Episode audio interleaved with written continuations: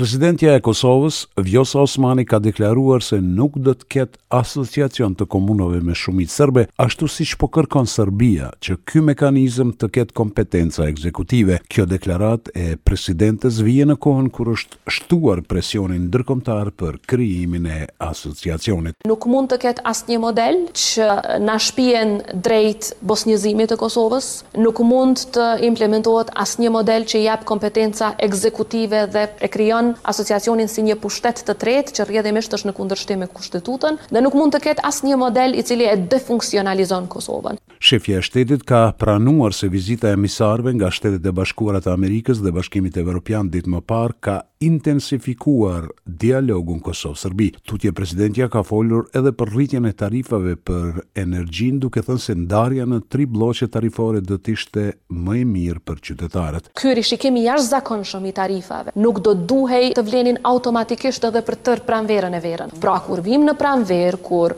Konsumi është shumë më i ulët, ZRRE-ja duhet të ulet edhe një herë, e jo tarifat e njëjta për shkak të krizës aktuale, t'i zbatojë pastaj edhe kur nuk ka konsum kaq të lartë. Presidentja Osmani, e cila për pesë mandate ishte deputete e Kosovës, ka folur edhe për kompenzimin që kishte përfituar për udhëtimin Temë kjo e aktualizuar shumë ditëve të fundit për shkak se deputetët kanë abuzuar me paranë publike duke harxhuar sasi tej mase të mëdha të karburanteve për gjoja udhëtimet e tyre për seancat e Kuvendit. Unë për herë të parë kam dëgjuar që ka kompenzim për udhëtim tash kur ka dalë kjo punë në media shumë para se të flitej për emrin tim kur doli për deputetët këtë vit që kanë marrë kompenzim atëherë kam dëgjuar për herë të parë për këtë kompenzim. Presidentja ka folur edhe për polemikat mes bashkëshortit të saj dhe mediave të cilat ai në një shkrim në Facebook i cilësoi ndërmarrje kriminale. Presidentja Osmani tha se bashkëshorti i saj në asnjë moment nuk i ka quajtur mediat ndërmarrje kriminale. Ndërkaq Prindon Sadriu, bashkëshorti i presidentes Osmani ka thënë se një qëndrim i tij në Facebook është devijuar qëllimshëm duke thënë se ka respekt për punën e mediave dhe të gazetarëve dhe se gjithmonë do t'i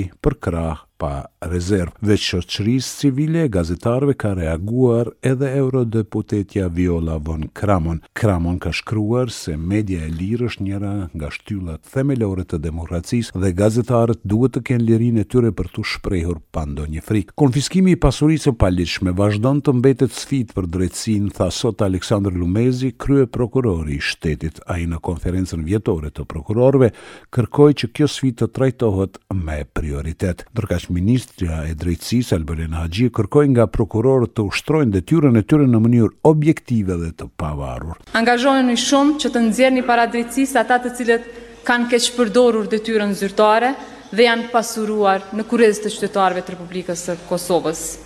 Ne duhet të dëshmojmë që askush nuk është i paprekshëm dhe se të gjithë janë të barabartë para ligjit. Ju duhet të dëshmoni që nuk ju interesojnë emrat e përveçëm të njerëzve që hetohen apo pozicionet që mbajnë, por vepra që kanë bërë.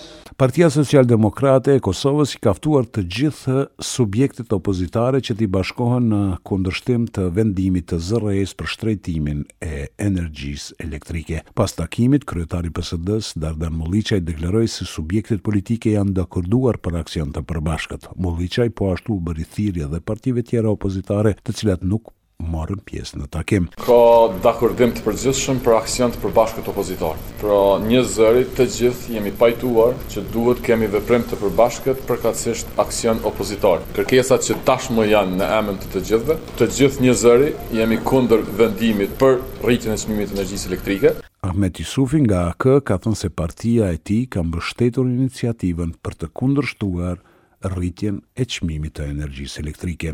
Sepse mendojmë që është shkelë interesi qytetar dhe mendojmë që duhet të mbrohet ky interes, nëse qeveria s'është e gatshme të angazhohet për interesin qytetar, atëherë i takon opozitës, shoqërisë civile, qytetarëve që të reagojnë. Dy persona kanë vdekur dhe shtatëqind e shtatëdhjetë të tjerë janë infektuar me virusin korona gjatë njëzet e katër orëve të fundit në Kosovë, kështu ka njoftuar Instituti Kombëtar i Shëndetësisë Publike në raportin e përditshëm për situatën pandemike në vend. Ndërkaq në po këtë institut, sot është bërë ceremonia e pranimit të mbi pesëqind mijë dozave të vaksinës Pfizer të siguruara nga Presidenti i Shteteve të Bashkuara, Joe Biden, për popullin e Kosovës të cilat në vendin tonë kanë arritur përmes mekanizmit COVAX. Ministri i Shëndetësisë, Rifat Latifi ka falënderuar Shtetet e Bashkuara për donacionin e vaksinave. Prej fillimit të vaksinimit në Kosovë janë dhënë mbi një pikë tetë milionë vaksina. Rreth gjashtëdhjetë e tre për qind e popullatës tonë e moshës mbi dymbëdhjetë vjeçare kanë marrë nga një dozë të vaksinës kundër Covid nëntëmbëdhjetë dhe pesëdhjetë e shtatë për qind të dy dozat. Presidentja Vjosa Osmani falënderoi SHBA-të për donacionet e vaksinave. Sikurse në vitin një mijë e nëntëqind e nëntëdhjetë e nëntë, SHBA-të sërish u dëshmuan krah nesh. Atëherë na shpëtuan nga vdekja prej luftës, E sot na shpëtuan nga virusi Covid të gjitha variantet e tij nëpërmjet vaksinimit. Sindikata e Bashkuar e Arsimit, Shkencës dhe Kulturës ka njoftuar se do ta refuzojë versionin e ri të ligjit për paga të punuar nga qeveria Kurti. Kreu i kësaj sindikate, Rrahman Jasharaj ka thënë se tashmë SBASHK-u po përgatitet për veprime sindikale duke mos anashkaluar as grevën e përgjithshme të arsimtarëve në tërë territorin e Kosovës. Për Radion SBS, Mendu Hysa, Prishtinë.